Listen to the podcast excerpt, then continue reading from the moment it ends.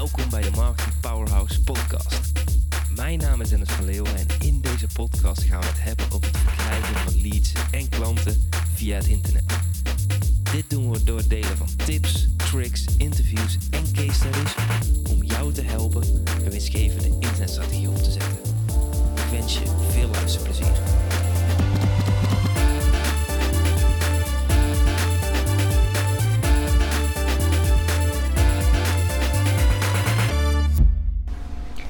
Hey, vandaag wil ik het met je hebben over daytargets. En daytargets is een onderwerp wat bij mij getriggerd werd door een, uh, door een taxichauffeur. de eerste week in Kaapstad hadden wij een, uh, een kinderstoeltje gehuurd via een organisatie.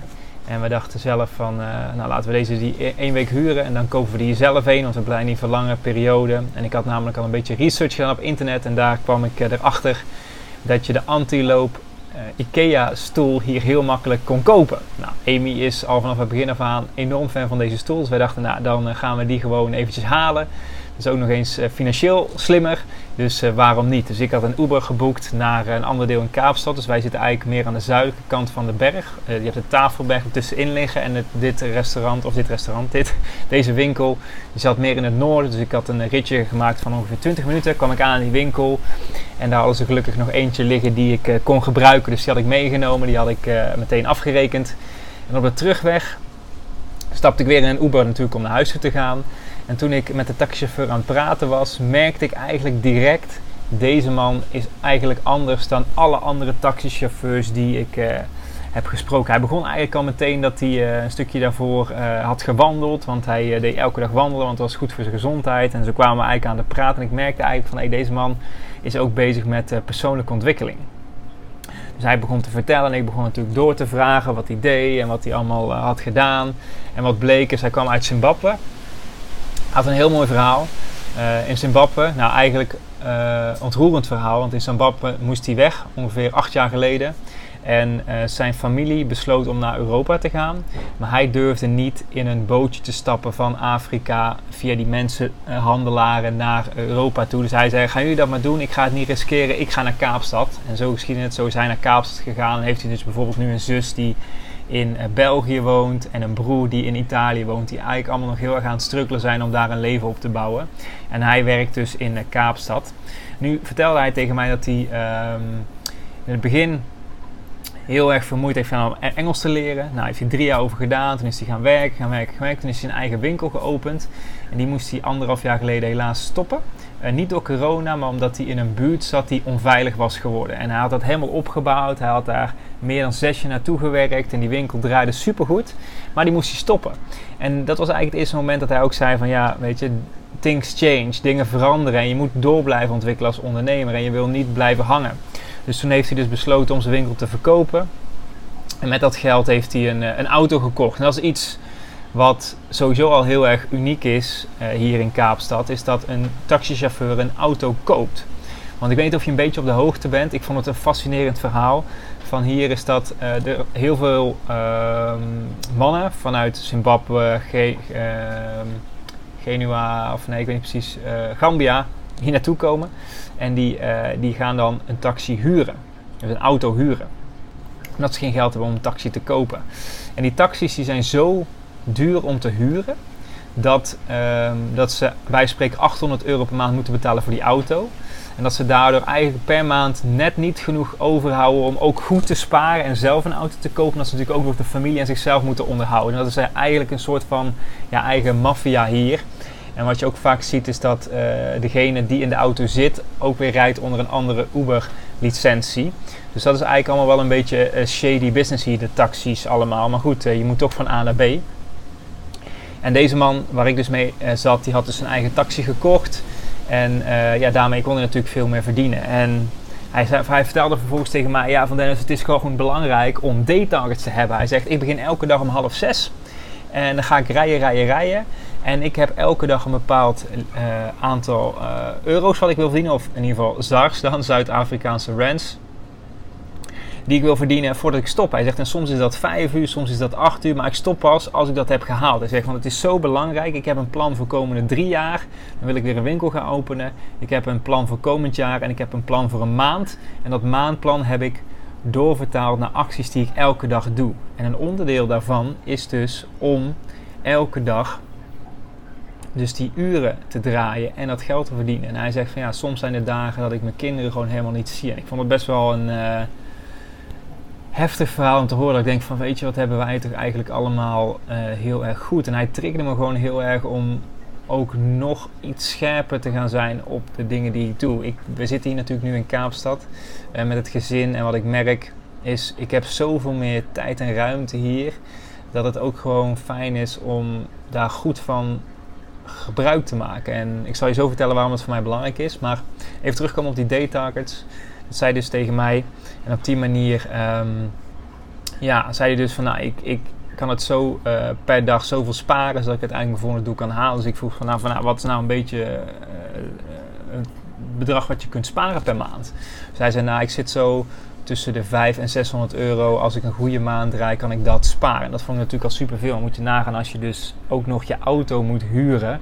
Ja, dan hou je dus eigenlijk helemaal geen geld over. Waardoor je dus eigenlijk in die cirkel zit dat je nooit een eigen taxi kan kopen. Maar dit wilde hij natuurlijk nu ook niet altijd blijven doen. En nou goed, we bleven even doorbabbelen. En ik vond het wel leuk om, uh, om zijn verhaal te horen. En uiteindelijk aan het eind van de taxirit. En waar we bij ons huis. gaf ik hem echt een uh, best wel dikke fooi. En daarbij vertelde ik tegen hem dat ik het heel erg mooi zou vinden als hij die fooi zou gebruiken om een dag met zijn kinderen iets leuks te gaan doen. Uh, en ja, ik had gewoon zo erg dat ik dacht van, weet je, wij hebben het zo goed. En het is zo mooi dat we dat allemaal hier kunnen doen, dat ik het ook aan hem wilde gunnen. En het bizarre was dat hij tegen mij zei van, dat heeft nog nooit iemand voor mij gedaan. En volgens mij keek ik in zijn Uber-geschiedenis dat hij al meer dan 10.000 ritjes had gemaakt. En ik dacht van, uh, zijn mensen dan zo um, alleen met zichzelf bezig? Ik vond het in ieder geval heel erg uh, bijzonder en dat had mij heel erg getriggerd. En ja, ik, schrijf, ik had er ook een mail over geschreven en daarin schreef, schreef ik ook van, ja, het is niet dat ik ermee te koop wil lopen dat ik fooi heb gegeven of uh, een een mooi fooi heb gegeven aan deze man, maar gewoon om erbij stil te staan hoe goed wij het eigenlijk allemaal wel niet hebben. En dat wij eigenlijk allemaal heel veel luxe problemen hebben. En ja, dat we eigenlijk niet te veel um, mogen miepen wat dat betreft. Maar gewoon eigenlijk nog meer van het hele leven moeten gaan uh, genieten. En dat we gewoon, gewoon, ja, gewoon, we zijn gewoon lucky. Maar het onderwerp dus daytargets, wat hij in mij triggerde, ben ik ook wel eventjes over gaan, gaan nadenken. Want ik weet nog, ik kwam thuis na die rit en ik vertelde tegen Jan ook um, wat er precies was gebeurd. En um, dat triggerde mij ook om uh, in mijn journal gewoon eens even over na te denken van hé, hey, wat zijn nou mijn day targets? Wat zijn nou mijn belangrijkste dingen? Ik heb toevallig natuurlijk vorige, vorige aflevering heb ik het gehad over, um, over habits. En dat ik denk dat day targets een gevolg moeten zijn van habits die je elke dag doet. Net zoals deze taxichauffeur elke dag om half zes start en pas stopt als hij zijn day-target heeft gehaald. Dat is een habit.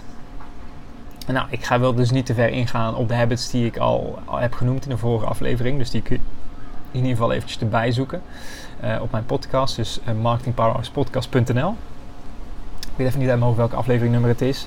Maar een van de dingen die, ik, die wel, naar mij uh, triggerde is ehm, mijn thinking time. Dus thinking time is een concept wat ik uh, mee heb gekregen van de coach waar ik in 2014, 2015 heb gezeten. Misschien weet je, ik heb bij Ilko de Boer in het Latverhoos traject gezeten en daar wordt het ook vaak over thinking time. Dat het heel erg belangrijk is om als ondernemer stil te staan en even over na te denken van wat zijn nou de dingen wat ik komende periode ga doen. En om, ik vertelde je net dat ik uh, de laatste tijd gewoon heel veel ruimte in mijn agenda heb. Ik heb uh, vier afspraken per week staan waarvan er drie met een personal trainer zijn.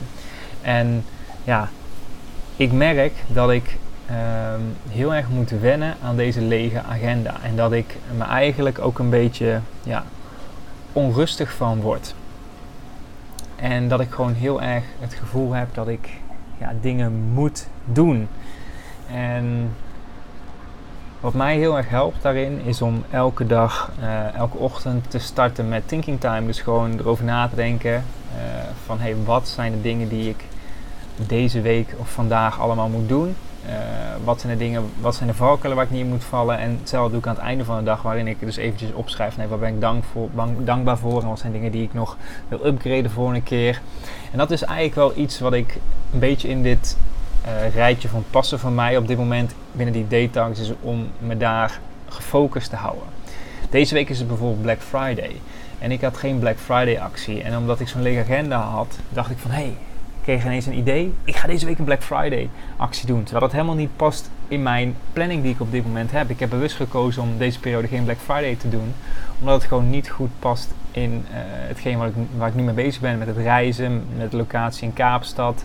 Ik heb op dit moment andere promoties lopen voor, voor het volgende jaar. Waardoor dat dit jaar gewoon niet past. En door elke dag dat te blijven opschrijven en zo helpt mij heel erg om dat soort keuzes dan uh, niet te maken. Ik heb uh, toen ik toevallig ook naar uh, de shop ging voor die stoel te kopen, bij de IKEA stoel, ben ik daarvoor nog naar een winkel gegaan waar ze vulpennen verkocht. En daar heb ik echt een super mooie vulpen gekocht. Dus dat maakt het schrijven in die journal nog leuker. Dus ik vond vroeger schrijven altijd wel heel erg leuk met vulpen. Dan had ik altijd negen en tieners, tien, tien, tienen in, um, in groep 6, 7, 8 of zo. En nu ben ik dat weer helemaal aan het oppakken. Ik vind dat heerlijk om dat uh, te doen. Dus dat, uh, dat is natuurlijk ook heel lekker in combinatie met, uh, met, met dat journalen. En dat geeft me gewoon heel veel rust. Als ik ergens mee zit, dan pak ik dat papier erbij en dan schrijf ik het gewoon weg. En dat, ehm, ja, dat helpt mij nu gewoon heel erg om die onrust gewoon een beetje te verwerken.